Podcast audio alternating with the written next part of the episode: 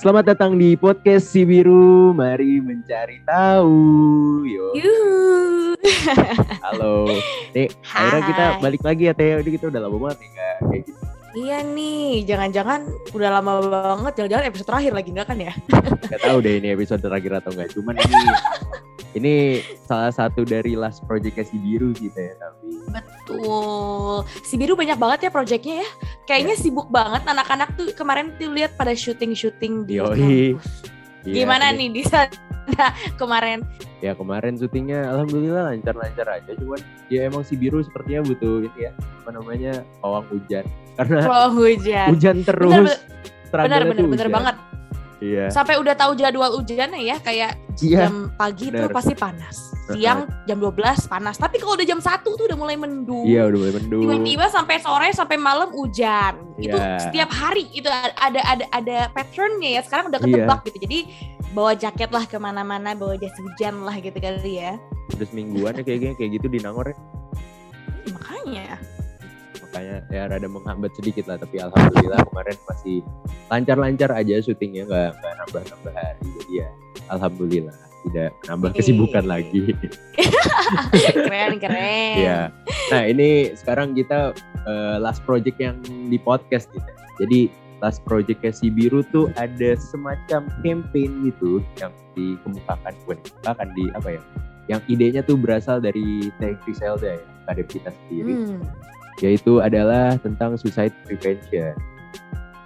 wah bahasannya ya Ya, lumayan ke arah sana lumayan lumayan lumayan, berat berat, ya. tapi ya tapi tapi nggak masalah lah ya maksudnya eh, penting untuk diketahui banyak Bener. orang lah hal-hal seperti ini bahasan Yoi. seperti ini menarik banget nggak pernah habis eh, bahasan lah gitu pasti ada sesuatu yang baru buat dipahami gitu kalau menurut aku sih Yoi. Apalagi sekarang suicide sepertinya kayak pembahasan tentang suicidal prevention atau apa pun yang berkaitan dengan suicide gitu eh, masih dianggap tabu lah ya sekarang-sekarang. hmm, masih masih masih Ya kayak orang-orang masih belum aware lah ya dengan pentingnya kita mengetahui apa itu eh, suicidal apa suicidal thoughts Hmm. atau yang lain-lainnya sebagainya itu. Nah, hari ini kita bakal bahas tentang ini nih Teh untuk memberitahu teman-teman apa sih yang harus kita lakukan gitu untuk eh, melakukan suicide prevention. Betul betul dan eh, kita juga kedatangan nggak nggak berdua doang dong ya kalau kita berdua doang kan jadinya curhat gitu ya pasti Iya. enak kali ya kalau ngundang orang yang mungkin expertnya atau bukan expert mungkin Wah. lebih ke yang yang ke arah sana lah yang mengerti Ya. lebih paham dari kita berdua gitu. Ada siapa Bit hari ini Bit? Nah, jadi podcast Si Biru kali ini itu adalah kolaborasi dengan sebuah media yang ya ada inilah, ada intention eh bukan intention, ada concern ke suicidal prevention. Jadi ada Betul. eh ada media bernama Kind to Mind nih, Teh. Dan hari ini tuh udah ada salah satu perwakilannya yang bakal ngobrol-ngobrol bareng kita, ngobrolin soal suicide prevention tadi. Wah, asik nih. Ada siapa? Ada Kak ada Kak Raditya Rizal ya. Yoi. Halo, Kak, Halo, boleh Kak nih Raditya. langsung Say hi dulu. Halo, halo, gue Radit dari Kind to Mind, divisi to Mind Podcast. Salam kenal buat teman-teman pendengar media si biru ya. Halo semua. Halo. Salam kenal Halo. juga Kak Radit. Halo Kak Radit, apa kabar? Halo, halo. Alhamdulillah lumayan tertekan. Kenapa tertekan itu? Kenapa tertekan Ya kalau boleh tahu karena nih? saya eh, kalau boleh tahu karena saya sedang berada di usia semester tua ya, semester 7. Jadi Waduh. lumayan ada lumayan beban-beban lah. Tapi ya Waduh. untung ada ada ada podcast media si biru ini jadi kayak bisa terangkat sementara. Oh my Mungkin, god. mungkin sebelum mikir maka mau mau beban tapi ngobrol-ngobrol santai lah di sini ya. Jadi Iya, mungkin betul. eh jadi agak terlepas mungkin ya. Lupakan Ya. dulu lah sementara skripsinya Kak Radit ya. betul betul. Oke deh. Gini mungkin ini kali ya Teh. Eh, karena kan orang-orang mungkin masih awam ya dengan kain tumen. Mungkin ada yang belum tahu gitu kain tumen itu Hmm, apa. iya. Aku persilakan dulu mungkin ya untuk Kak Radit nih. eh, apa, menjelaskan sedikit lah ya tentang kain tumen itu sebenarnya apa sih Bang? Oke. Nah, pertama-tama gue mungkin jelasin Kind to Mind sebagai sebuah platform kesehatan mental lah yang digerakkan sama anak-anak muda dan seluruh penjuru Indonesia. Jadi konten-konten yang dibuat sama Kind to Mind itu biasanya tentang isu-isu kesehatan mental yang bisa relate sama kalangan Gen Z lah. Dan kita juga berusaha untuk raising awareness tentang kesehatan mental di Indonesia yang balik lagi tadi Abid bilang kan mulai tabu lah ya kalau misalnya di kalangan masyarakat umum. Jadi kita berharap dengan adanya kayak ini kita bisa raising awareness masyarakat tentang kesehatan mental. Jadi gue personally juga sangat berterima kasih kepada Media Biru yang udah mau mengangkat tema tentang kesehatan mental. Jadi kalau misalnya gue boleh merecall tagline dari si biru, mari kita mencari tahu tentang isu-isu kesehatan mental di sekitar kita. Wah. Wih, Keren, mantap. keren banget. Keren kan? Keren Mantap, kan? mantap, mantap. Nah keren, sekarang langsung bridging. nah ini sebenarnya gini kak, sebenarnya mungkin kenapa Gimana, gimana? kita mau mengangkat soal suicide prevention atau mungkin kesehatan mental gitu ya? Mungkin karena emang kita juga sendiri udah mulai-mulai kena mental ya di Aduh. kita tuh.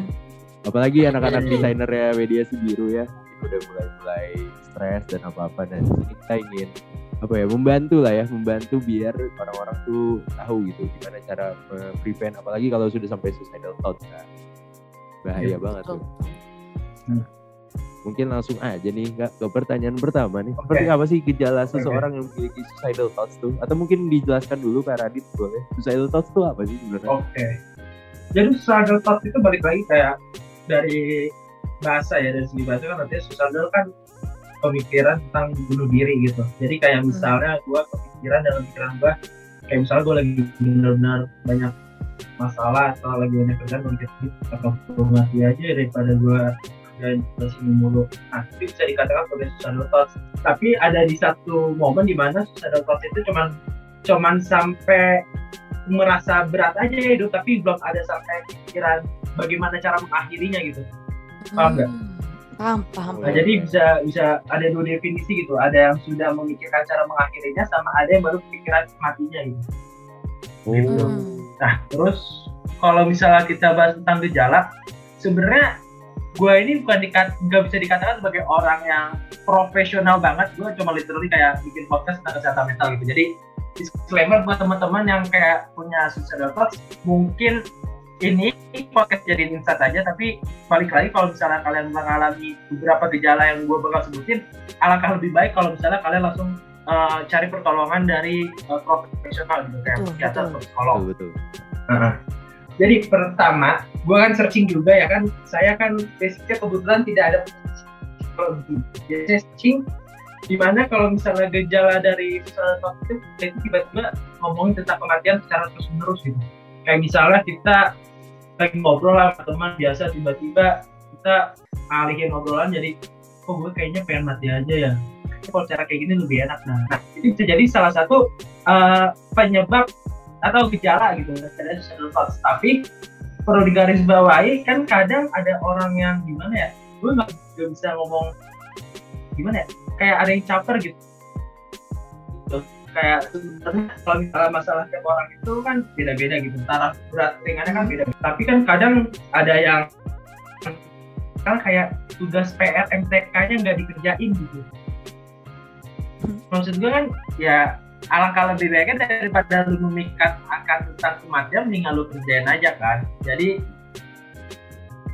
mungkin itu pertama gejalanya tiba-tiba tentang kematian terus balik lagi uh, ke uh, selanjutnya yaitu ketika mereka mencoba mencari cara untuk mengakhiri hidup. Mungkin kayak tentang uh, gantung diri atau minum nyamuk atau sebagai macam lainnya gitu. Terus tiba-tiba orang yang biasanya kita tahu itu sebenarnya orangnya ekstrovert tiba-tiba dia lebih milih buat sendiri gitu. Dan cenderung buat mengasingkan diri. Itu bisa jadi salah satu gejala orang thoughts terus tiba-tiba dia kayak merasa hidupnya sia-sia dan secara fisik badannya juga udah kayak mati rasa gitu sih kayak misal kalau makanya sebenarnya itu biasanya bisa katakan sebagai bentuk dari suicidal thoughts gitu dia coba nyakitin diri sendirinya ya dengan harapan mungkin aja ya bisa bisa meninggal gitu mungkin itu sih kalau misalnya gejala dari suicidal thoughts menurut gua dan apa yang udah gua searching Hmm, Oke, oke. oke. Nah. Em, kalau misalnya kayak em, mungkin yang tadi dijelasin, tapi kalau misalnya aku yang sering mungkin pengalaman aja yang sering ditemukan sekarang gitu sama aku. Banyak tuh orang yang em, mungkin punya suicidal thoughts tapi dialihinnya lewat jokes gitu. Jadi kayak gimana ya sering gak sih kalian lihat kayak orang ngejokes Hmm. tapi ke arah-arah sana tapi mereka happy looks looks fine tapi sebenarnya kok jokesnya masuknya ke sana ya? Terus itu itu termasuk suicidal thoughts gak sih bisa dibilang ya karena gue punya salah satu kalimat yang gue temuin bagus gitu. Kadang nggak semua orang itu beneran kuat kadang ada yang cuma terlihat kuat. Makanya kadang orang yang bikin jokes tentang suicidal itu kadang sebenarnya ya emang mereka alami gitu. Tapi mereka coba, coba terlihat kuat dengan bentuk membuat jokes. Dan mungkin kalau misalnya cara membedakannya bakalan lumayan susah ya. Karena nama juga orang bercanda kan biasanya dia dari Iya. mukanya juga raut mukanya kan senyum-senyum gitu Heeh. kan. jadi ya balik sih kalau misalnya terkadang udah terkesan udah rada jayus mungkin ya mungkin bisa ditanyain gitu sama teman-teman ya apakah lu baik-baik saja atau Hmm. sebenarnya lu punya masalah gitu karena kadang kita Hmm. tahu kan kalau misalnya ada jokes yang kayak over kayak ini sebenarnya udah gak lucu deh kayaknya dia lebih ke personal deh kayak utarain perasaannya gitu Hmm. jadi ya mendingan mendingan ditanya sih menurut gua Hmm. Dan satu lagi ya menurut gua suicidal thoughts itu bukan sebuah sesuatu yang bisa dianggap bercandaan sih karena- Hmm. Benar. ya itu realita yang kita hadapi di mana banyak orang yang dengan uh, pemikiran bunuh diri yang pada akhirnya karena banyak orang yang menganggap ah lu bercanda doang kan cuma kayak gitu doang langsung mikir yang aneh-aneh ya akhirnya mereka memilih untuk mengakhiri karena tidak ada yang peduli gitu Hmm, berarti kita sebagai apa sih yang yang ada di lingkungannya mereka gitu harusnya lebih aware Hmm. lagi ya kalau ada hal-hal Yes, kayak gitu betul. ketika ketika seseorang terus menerus ngejokes soal kayak gitu kayaknya harus diberi perhatian lebih kayak ini beneran ngejokes atau Nah, kayak iya. emang dia seeking for help for- jadi da- da- dari jokes itu ya.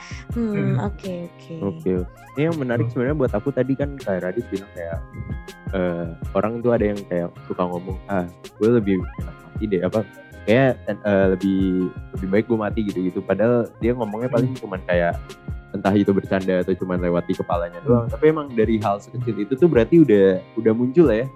Suicidal thoughts tuh walaupun memang benar. kecil itu doang. Ya karena biasanya ya ibaratnya ya hal kecil kalau misalnya ditumpuk-tumpuk terus lama-lama jadi besar gitu.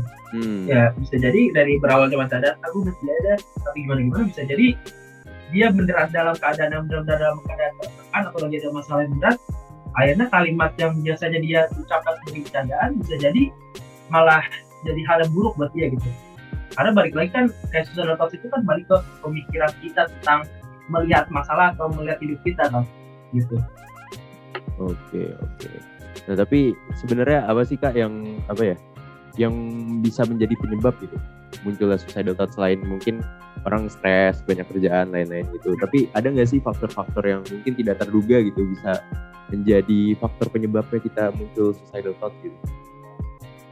sebenarnya bisa kita lihat dari uh, lingkungan kita gitu. Misal nih, misal katakanlah uh, ini sorry ya gitu ya, Abid punya masalah gitu. Terus Yep. lu mencoba mencari teman buat bercerita, tapi ternyata kayak temen lu ketika lu kasih cerita tentang masalah lu, lu kayak apaan sih lu kayak gitu lebay banget. Oh iya. Dari sekecil itu kadang bisa jadi ini orang kenapa Pak nggak mau dengerin cerita gue ya? Sebenarnya ada nggak sih orang yang pengen dengerin masalah gue? Ada nggak sih orang yang pengen dengerin cerita? Nah, jadi kayak lingkungannya tidak suportif itu secara langsung juga bisa menyebabkan orang punya suicidal thoughts. Nah, terus kayak salah satu triggernya lagi adalah ketika mereka punya keluarga yang punya riwayat orang yang bunuh diri gitu. Misal kayak uh, kakeknya pernah mencoba bunuh diri, akhirnya karena dia melihat ada ada figur yang dia kenal pernah mencoba bunuh diri, akhirnya dia ikut coba mencoba gitu. Secara nggak langsung itu kan menjadi trigger buat dia gitu. Oh iya Hmm. iya. Iya iya benar-benar. Tapi Dan ini dari nggak sih? uh, gimana? Gimana? Eh, ada ada kayak batasan, maksudnya sebenarnya nggak ada batasan, cuma kayak aku aku penasaran aja sih kayak eh, seseorang bisa dikatakan sebagai memiliki suicidal thoughts tuh kayak ada batasannya nggak sih? Kayak dimulai dari hal seperti apa sih? Apakah yang harus eh, ketika dia em, berpikir bilang kayak aduh kayak gue pengen pengen ini deh pengen pengen bunuh diri atau apa pun gitu. Ada hal ada batasannya seperti apa sih? Kayak dimulai dari mana sih hal terkecil yang sampai bisa dikatakan dia memiliki suicidal thoughts ini sebenarnya balik lagi kayak tadi Betty bilang gitu kayak sekedar kayak sadar ah gue pengen mati aja kalau misalnya lama-lama dilakuin terus kan lama-lama ngebentuk pola pikir dia dengan membentuk pola pikirnya gitu jadi kayak nggak ada batasan sih Hmm. sekecil apa pun yang berhubungan dengan suicidal thoughts kalau misalnya udah lu lakuin itu bisa jadi trigger di waktu tertentu Oh iya. Hmm, iya. jadi ya masalah kayak gini tuh kayak nggak ada batasan kayak oh lu ketika di fase ini lo harus kayak gini lu enggak dari sekecil lu punya pemikiran kayak bikin bercanda tentang suicidal thoughts saya secara gak langsung lu udah pernah memikirkan tentang kematian lu gitu Hmm. Mhm. nah itu menurut gua ah, kematian yang seperti itu kan ternyata jadi tidak natural Iya. dan iya. itu menurut gua nggak baik Iya, Mhm. iya. Mungkin jadinya karena karena dia awal-awal cuma bercanda bercanda gitu, cuman nanti tanpa dia sadari itu menjadi pola pikir baru dia gitu dan suatu saat iya betul. misalkan emang nanti dia udah capek banget, dia malah mikir kayak apa iya ya, apa iya ya gue mati aja gitu ya. iya betul Bahaya Oke. juga berarti ya Betul. dari hal sekecil. sangat bahaya Bahaya. Iya. Tapi tapi menurut lo faktor-faktor penyebab seseorang itu punya suicidal thoughts paling besar dari mana sih? Apa mungkin dari keluarga yang kayak tadi lo bilang riwayat, keluarga punya keluarga yang kayak gitu atau dari lingkungan? Menurut lo penyebab paling besar itu dari mana? penyebab terbesar menurut gue dari ketika dia punya masalah tapi dia kayak gak punya teman buat bercerita gitu Hmm. entah temannya itu mau Hmm. keluarga atau teman lingkup beneran teman ya karena balik lagi karena dari apa yang gue lihat ya dari beberapa pengalaman orang yang gue dengar atau gue lihat kadang ketika orang udah punya suicidal thoughts itu biasanya kan mereka udah nggak tahu kan mau cerita ke siapa. Dan satu lagi mereka nggak punya orang bisa mereka percaya buat cerita gitu. Jadi secara gak langsung ya lingkungan sih. Lingkungannya entah mau dari keluarga mau dari teman ya itu yang menjadi penyebab spesifik orang punya suicidal thoughts dan bahkan akhirnya benar-benar mengakhiri dan kadang apalagi kan di Indonesia kita tahu lah nah, permasalahan kesehatan mental ini masih dianggap receh banget bahkan Iya. ada ada balik lagi kan ada yang bikin jokes tentang kesehatan mental gitu. Mm. dan ketika ada orang yang benar-benar butuh pertolongan tapi lingkungannya malah bercandain balik ya secara langsung itu bakal nge-trigger dia buat ah ini orang gak ada peduli lah sama gua ini orang nggak ada yang beneran pengen denger gua gitu. Dan akhirnya daripada nggak ada yang mau dengerin gua atau nggak ada yang peduli sama gua ya udah lu mati aja. Nah itu kan berarti kan lingkungan gitu. Lingkungan entah mau dari lingkungan keluarga atau lingkungan itu kan secara nggak langsung men-trigger seseorang buat berpikiran bunuh diri. Jadi ketika lu tahu ada teman lu yang punya suicidal thoughts ya, ya jadi orang yang baik aja lah. Maksudnya kalau misalnya pengen cerita tapi lu kayak males dengerin atau lu nggak bingung mau respon apa sekedar dengerin aja udah bagus gue gitu Iya iya. Oke, oke. Setuju. Nah ini tadi gue pengen nanya soal itu tuh sebenarnya. Apa kayak Hmm. kan ada tuh orang yang mungkin apa ya bingung gitu kalau misalkan ada yang Hmm. eh, cerita ke dia soal gue gue gue pengen mati aja lah dan atau yang lain-lainnya gitu. Hmm. Sebenarnya eh, yang baiknya tuh kita meresponnya seperti apa sih? Kalau emang kita nggak tahu gitu cara merespon yang baik. Oke, se- sesimpel ini aja sih. Mungkin ini katakanlah ya masalahnya masih masalah yang belum serumit sampai orang pengen berpikiran untuk suicidal thought gitu. Kadang atau asumsiin gue pengen cerita tentang cinta gue gitu. Nah, kadang kan ada yang pengen didengar aja, ada sama ada yang butuh respon jawaban. Nah, Yep. ketika ketika lu dapat ada orang cerita pengen cerita tentang suicidal thoughts, nah, menurut gua ini kan hal yang lumayan sensitif ya ketika kita ngomong A bisa aja dianggapnya B sama orang yang lagi cerita. Menurut gue ya udah dengerin aja cukup. Dan responnya ya respon bisa dibilang basa-basi sih. Kayak respon iya lu nggak apa-apa kok. Lu kuat kok. Atau ya atau enggak ya jangan jangan membuat dia merasa lebih bersalah lah.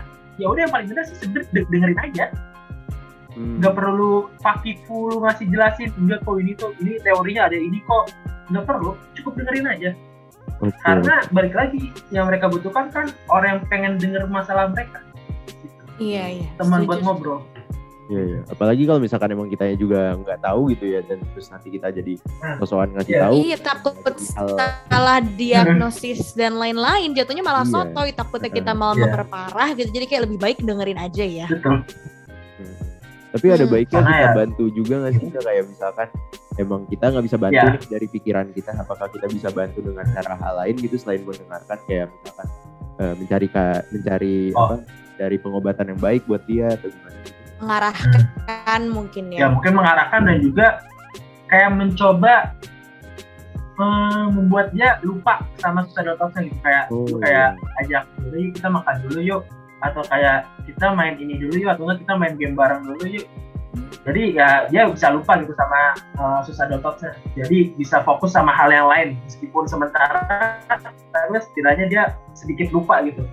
Baru kayak ketika di beberapa kesempatan kayak mencoba nge-reach out dia dengan memotivasi atau kayak bilang gue ini ada kok buat lu kayak gitu gitu Hmm, tapi ya kalau misalnya lu udah bilang gue gue ada buat lu ya lu harus komit lu harus komitmen kalau misalnya lu bener-bener ada buat dia jangan tiba-tiba Hmm. ketika dia butuh lu ngilang. Itu yang susah sebenarnya tuh. Maksudnya Nah, gimana ya untuk komit ketika lu mau membantu orang terus ternyata orang itu malah jadi bergantung sama lo dan kan maksudnya kayak mikirnya setiap orang pasti punya masalah gitu ya. Mungkin yang berat tuh di saat kita lagi punya masalah juga tapi eh, dia lagi butuh kita gitu loh sebenarnya jadi tantangan kita sebagai teman mungkin ya atau sebagai sahabat mereka yang mendengarkan. Tantangannya adalah gimana caranya lo tetap sane, tetap waras di saat em, lo juga nggak bantu orang lain. Itu sih aku kadang susah dan malah jadi nggak komitmen gitu. Kayak dari awal bilangnya sih komitmen eh udah lo kalau ada apa-apa cerita sama gue aja gitu. Tapi pas di tengah-tengah kok kayaknya berat ya dengerin orang cerita. Ternyata nggak semudah itu. karena sekedar kita kayak dengerin cerita orang punya masalah aja itu kan bikin emosi kita terkuras gak sih? Kayak, anjing, bener Iya. bener banget. Ya? bener ya? Gila sih emang Nah itu sangat salut dengan seorang psikolog dan psikiater gitu. Mereka tiap hari dengerin cerita masalah orang, tapi pasti mereka di rumah juga punya masalah masing-masing, tapi kayak mereka masih bisa komit gitu. iya Terlepas iya dari dan- emang itu kewajiban mereka ya. Ah, ah, betul betul dan dan salut Hmm. sih kayak gimana Ya. caranya mereka misahin kerjaan sama pribadi dan gimana Hmm. kok bisa sih nggak nggak nggak keresep ke dirinya mereka gitu loh gitu kalau misalnya aku kayak mungkin udah ikutan depressing juga gitu dengarnya Iya. tapi tapi mungkin para psikolog dan psikiater yang yang sudah biasa menangani memang profesional di bidangnya malah Hmm. eh, bisa menyaring dengan baik gitu tapi dengan tetap bisa memberikan pengobatan yang baik juga itu salut sih Iya. sama Iya. sama para tenaga kerja yang di bidang sana gitu. Betul. Sama. Tapi Benar. mungkin kalau tadi kan kita bahasnya tuh soal ini ya, soal misalkan pertemanan gitu. Eh, jadi kayak faktor Hmm. eksternal gitu. Apakah Hmm. kalau misalkan kita punya suicidal thoughts, eh, kita cerita ke Hmm. teman kita atau temen gimana cara kita meresponnya. Tapi kalau dari diri sendiri nih, misalkan eh, Hmm. aku punya suicidal thoughts, eh, gimana sih caranya biar menga- untuk mengatasinya gitu? Tapi dari diri aku sendiri gitu. Jadi bukan cerita ke teman. Ada caranya gitu nggak sih? Kayak apa gitu? pastinya ada pastinya Eh, dari diri kita sendiri ya balik lagi kayak gue bilang mencoba mengalihkan pemikiran kita tentang thoughts itu kayak kita bisa nyari hobi baru Mm-mm. terus kayak dengerin lagu atau mungkin kita mencoba misalkan di posisi kita kayak kita nggak punya teman buat cerita atau orang buat eh, dengerin lah kita kita bisa kayak tulis di diary gitu. Kayak apa yang kita alami sekarang itu ya udah kita tulis aja karena kadang ini gue gue sendiri kayak ngalamin gitu ketika gue punya masalah. Dan gue coba luapkan dalam bentuk tulisan entah itu tulisan bisa gue lihat sendiri atau bisa lihat sama orang kadang ada perasaan lega gitu. Karena setidaknya apa yang gue rasakan itu bisa tersampaikan gitu entah orang lain itu peduli atau nggak ada orang yang lihat. Setidaknya gue udah udah ngeluapin lah perasaan gue jadi mungkin buat teman-teman yang punya thoughts coba kayak eh, mencari perhatian baru lah. Kayak balik lagi tadi gue bilang kayak nyari hobi baru atau ya cuma sekedar ya nulis masalah yang lo alami sekarang aja. Kadang-kadang itu bisa bikin relief masalah sih. Menurut gue itu sih.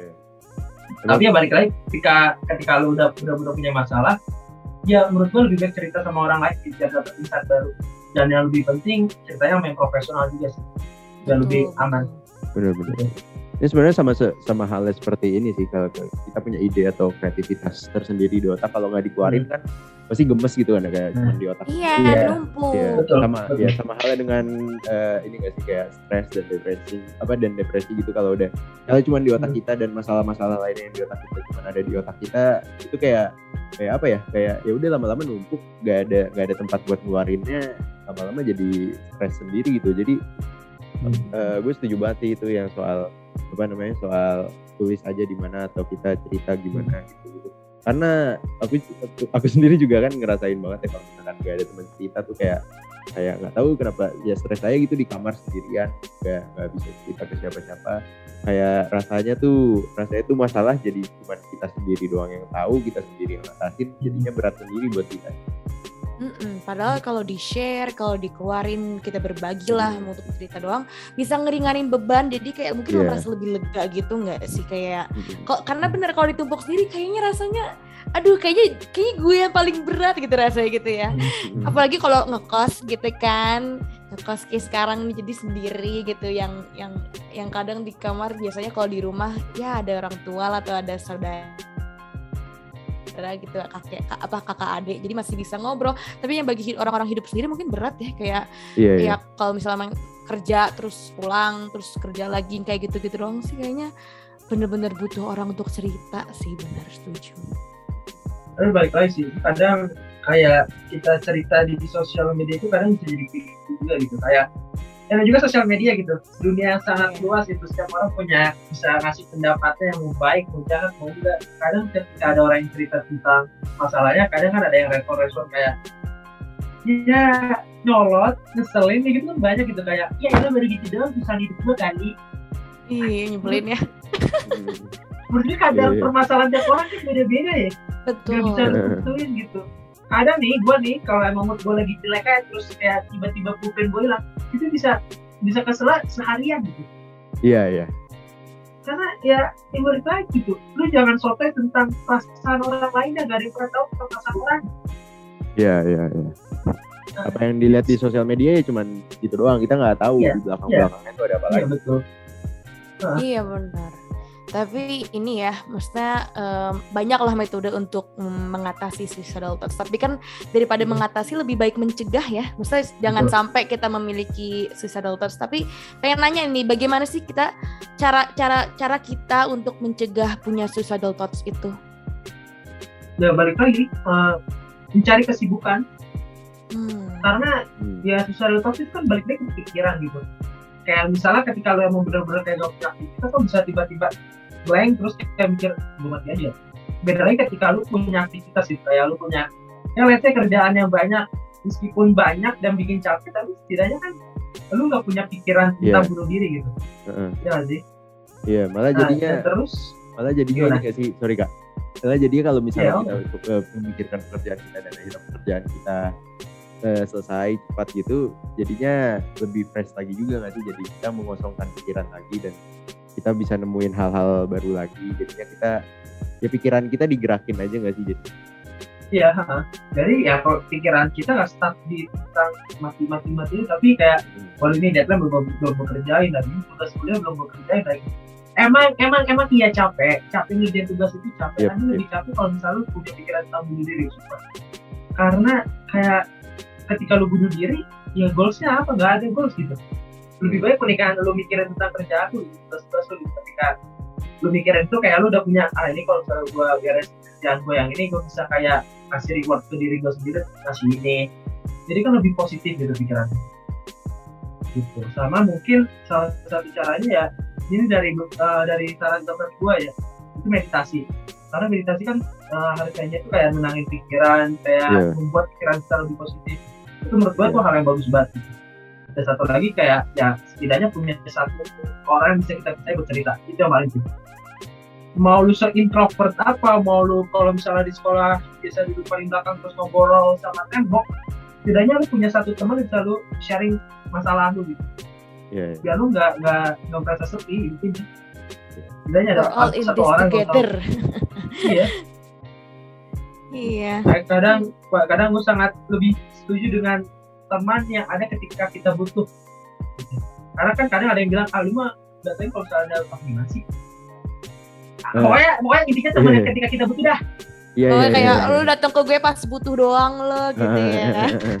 iya maksudnya Padahal- ya ya apa sebenarnya emang kita emang kita Iya. membutuhkan lu gitu kan Ya maksudnya anar gak sih kayak oh ketika lu susah Ah. lu ingetnya gue berarti gue gue berguna nih gitu. iya iya gue kalau bisa jadi teman tiba-tiba ada teman gue cerita eh gue punya masalah gue boleh cerita apa lu nggak ya menurut gue itu sebuah ya baliknya ke honor gitu kehormatan gitu karena ya lu sharing masalah ya emang sharing masalah itu berat tapi setidaknya lu percayakan masalah lu Betul. ke gua Nah, itu iya. menurut Iya, gua iya, ah, iya. berarti kita udah deket kan gitu Iya. gua nggak boleh nyanyain lu sebagai teman Setuju, setuju Gitu, sih. Iya, setuju, iya. setuju, setuju, setuju.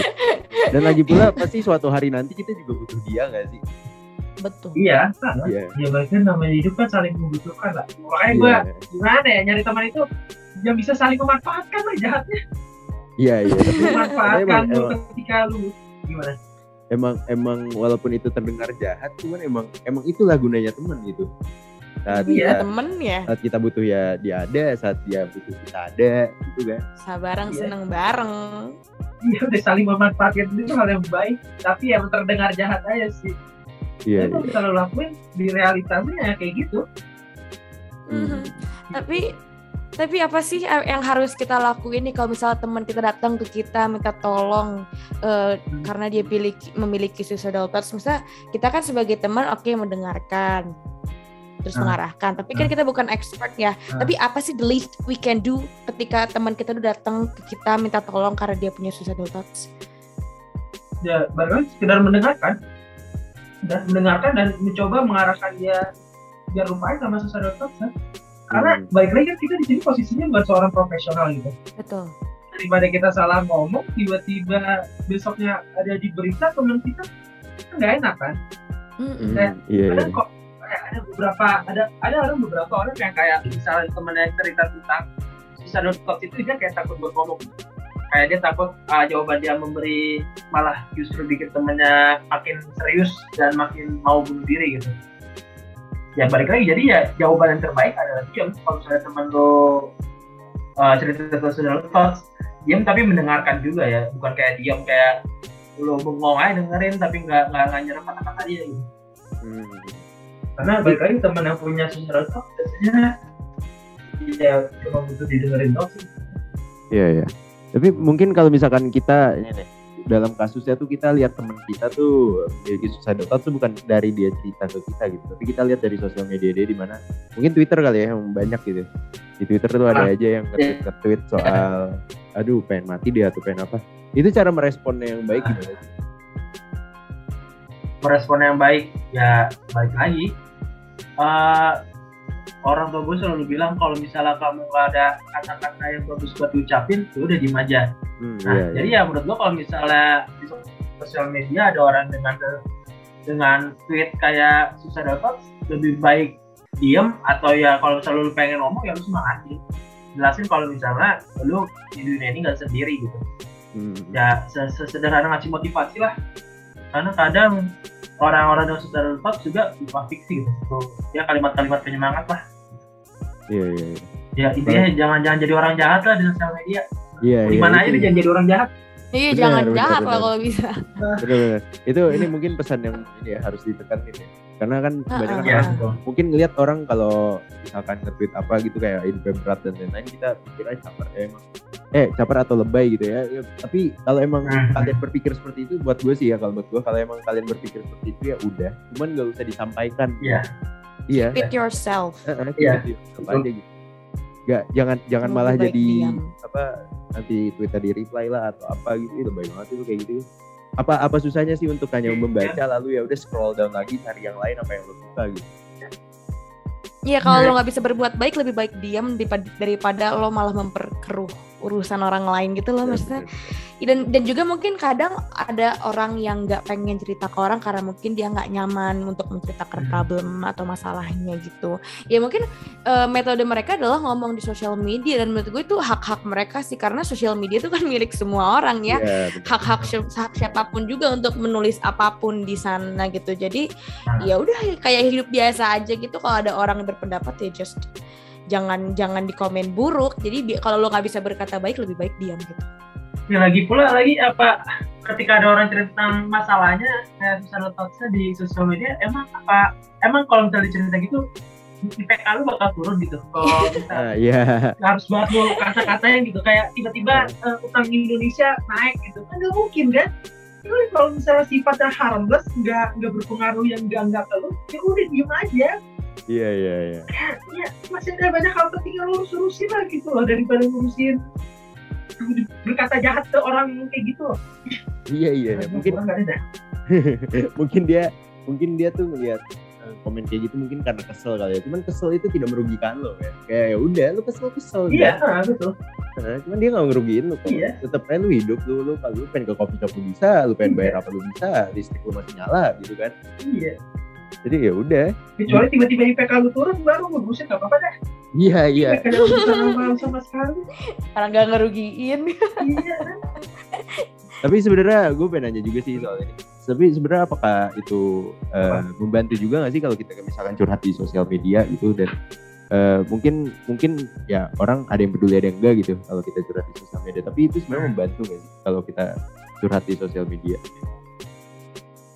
Ya balik lagi kayak yang gue bilang tadi gitu kan kita kan alasan curhat di sosial media kan karena mungkin bisa bilang kayak Hmm. tadi Betty bilang kan kayak kita nggak punya teman yang berusaha dipercaya atau nggak nyaman gitu. ya menurut gue sangat membantu gitu karena setidaknya apa yang kita ras uh, rasain itu bisa terluapkan gitu bisa Hmm. ada media buat nyampeinnya gitu oh iya iya iya. entah orang peduli apa enggak ya balik lagi setidaknya perasaan kita udah udah tersampaikan Oh, iya. sederhana itu aja Hmm. karena sosial media itu bisa menurut gue adalah apa ya duluan aja gak apa Ah, jadi sosial media menurut gue ya hal yang sangat ya bisa dibilang berjasa lah buat bagi orang-orang yang punya eh, kesehatan mentalnya lah.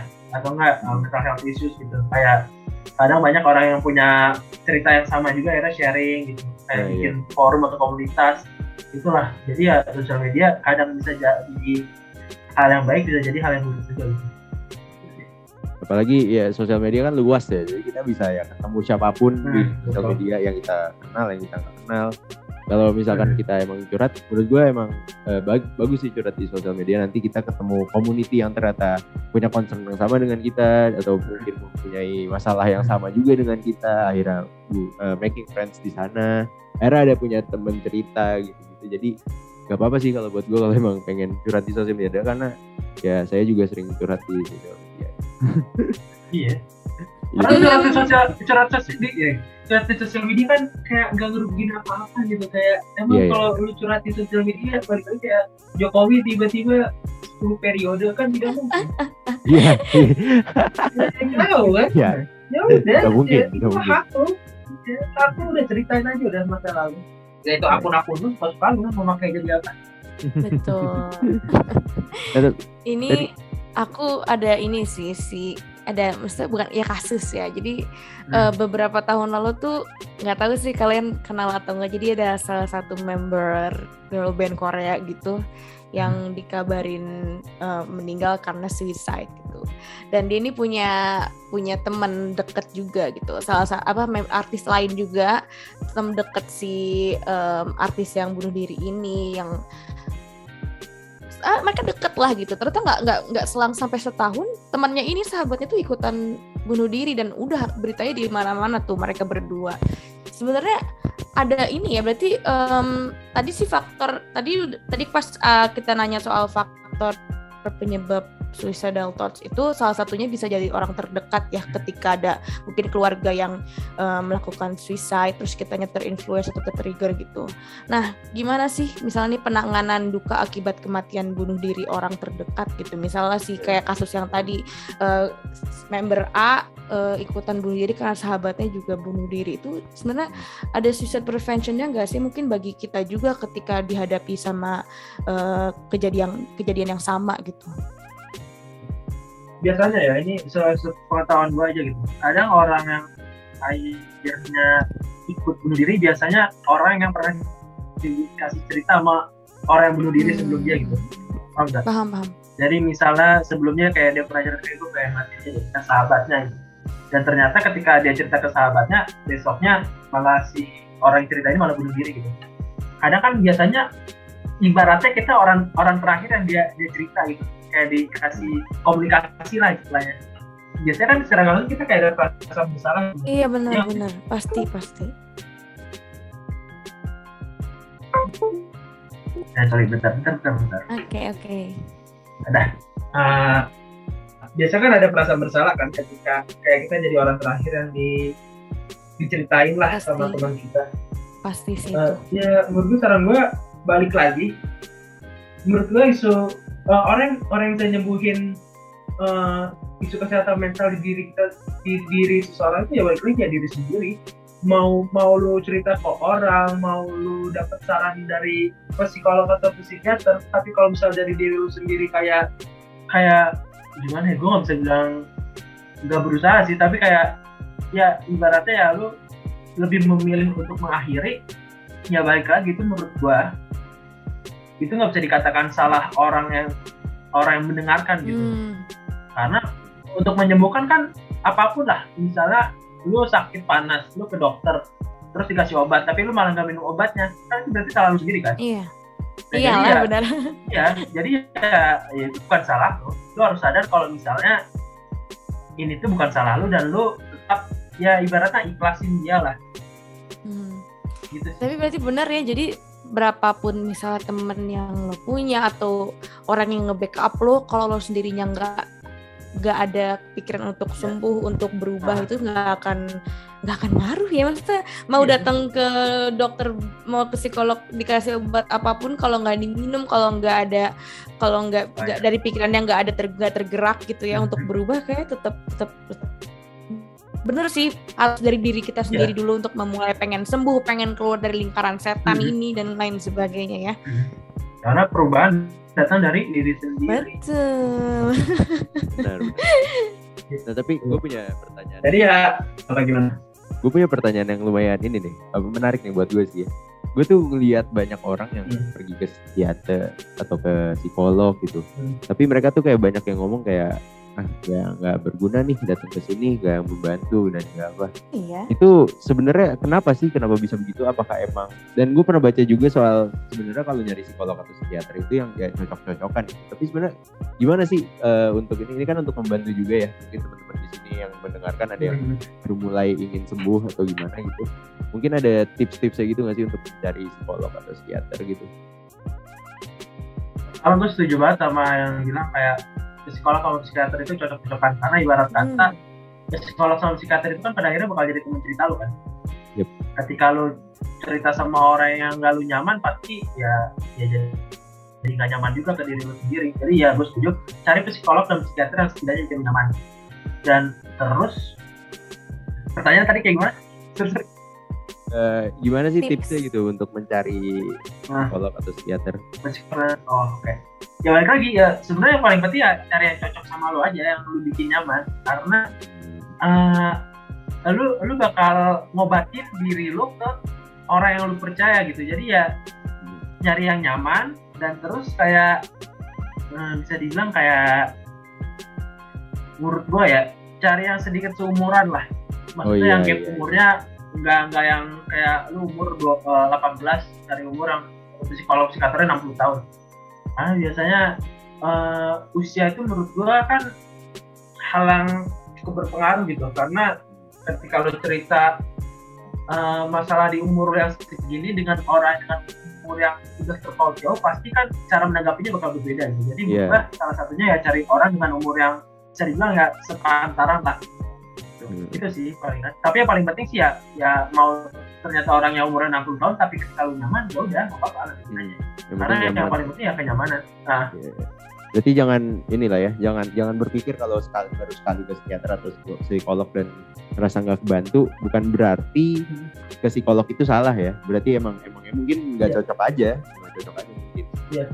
ke psikolog kayak nyari pacar iya, kayak nyari pacar cocok-cocokan gitu ke psikolog itu harus ketika lu udah merasa benar-benar overwhelmed sama mental illness itu harus banget. Karena daripada lu self diagnose mendingan lu ke psikolog. Takut Iya. salah diagnosa gitu. Mm-mm. Oke deh, ini tapi kepo deh. Kenapa kepo tuh? deh pernah nggak?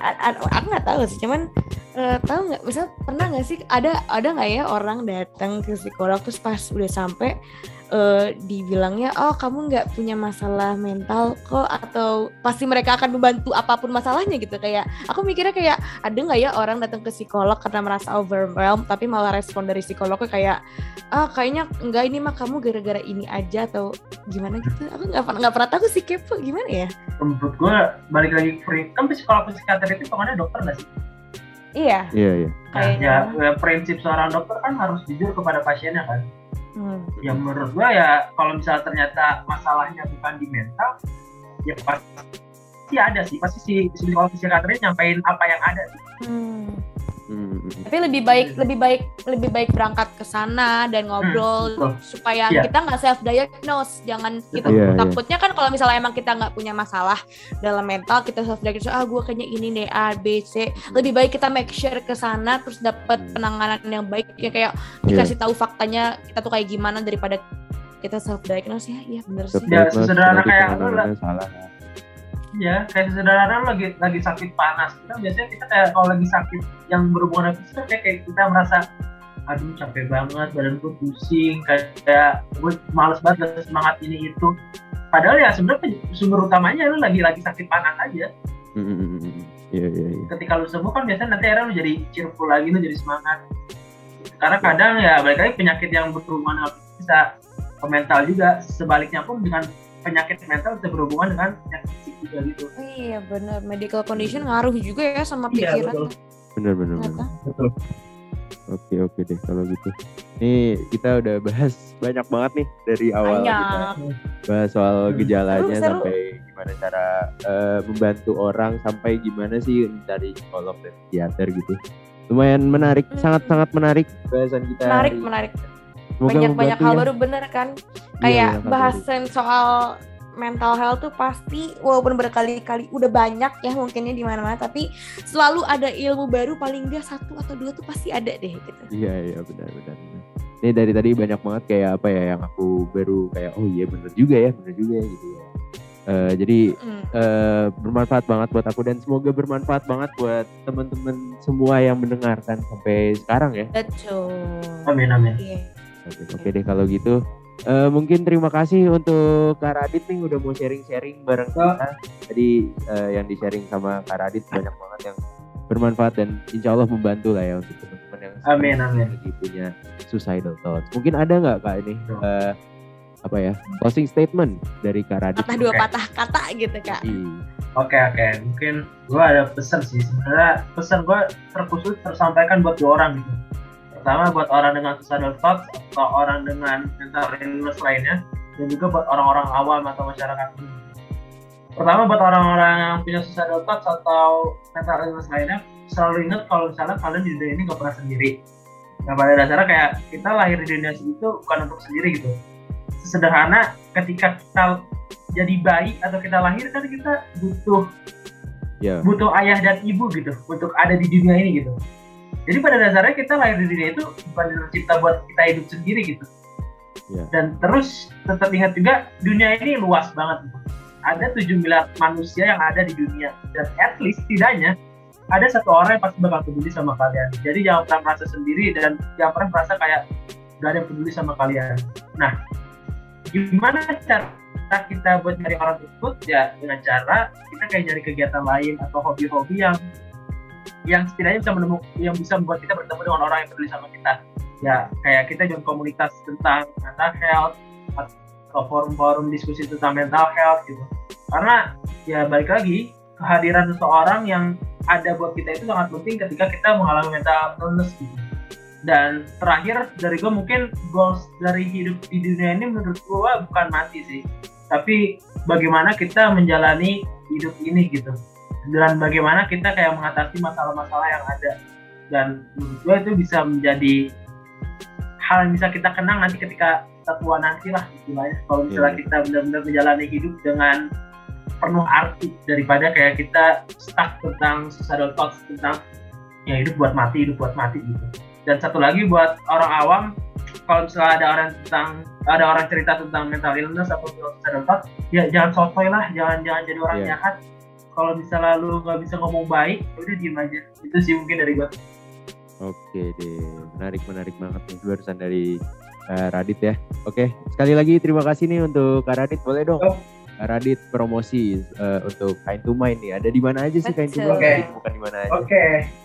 Jadi kalian bisa uh, stalk IG-nya Kantuman di @kantuman.id. Itu kita punya konten-konten tentang kesehatan mental dan buat kalian yang bisa dibilang kayak punya masalah hidup kalian yang berhubungan dengan kesehatan mental bisa juga uh, cek di bio Instagram kita di situ ada ada link buat kalian cerita-cerita tentang masalah kalian.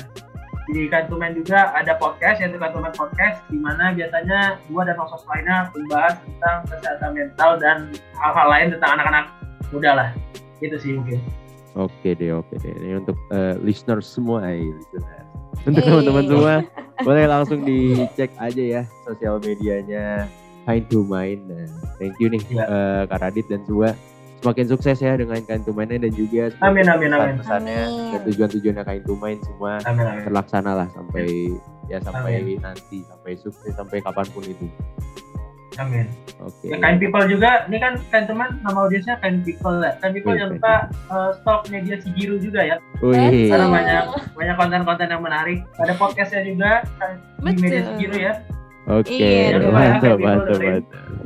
Oke, thank you Saling Kak Radit. promosi. Mungkin dong, mungkin Thank boleh you, nih Kak. TBT, TBT kasih tahu Boleh. untuk kind people ya, ada kind people ya.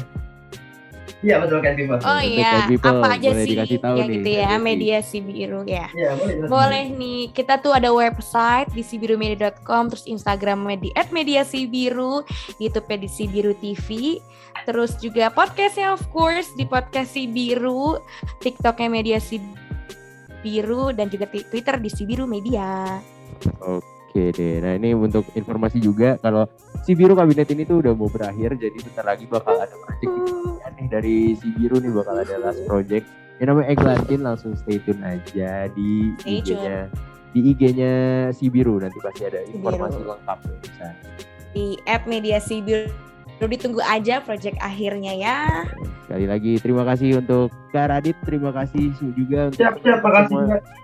Yoi, terima kasih juga untuk teman-teman semua yang udah mendengarkan sampai sekarang. Mungkin kita pamit undur diri dulu ya. Kalau Betul. pamit undur diri dulu. Eh, sampai berjumpa di episode-episode selanjutnya ya kalau ada. Amin. Amin, amin. Kalau gitu terima kasih teman-teman yang sudah mendengarkan. Eh, ditunggu aja episode-episode barunya dan juga jangan lupa stay tune di sosial medianya Media Si Biru. Kalau gitu Betul. aku Abid Raihan pamit undur diri. Gue Betty. Dan gua Radit. Sampai jumpa di episode podcast Cibiru selanjutnya. Mantap. Mantap. Oke, Oke. bye semua. Makasih, Dadah makasih. semuanya. Terima kasih.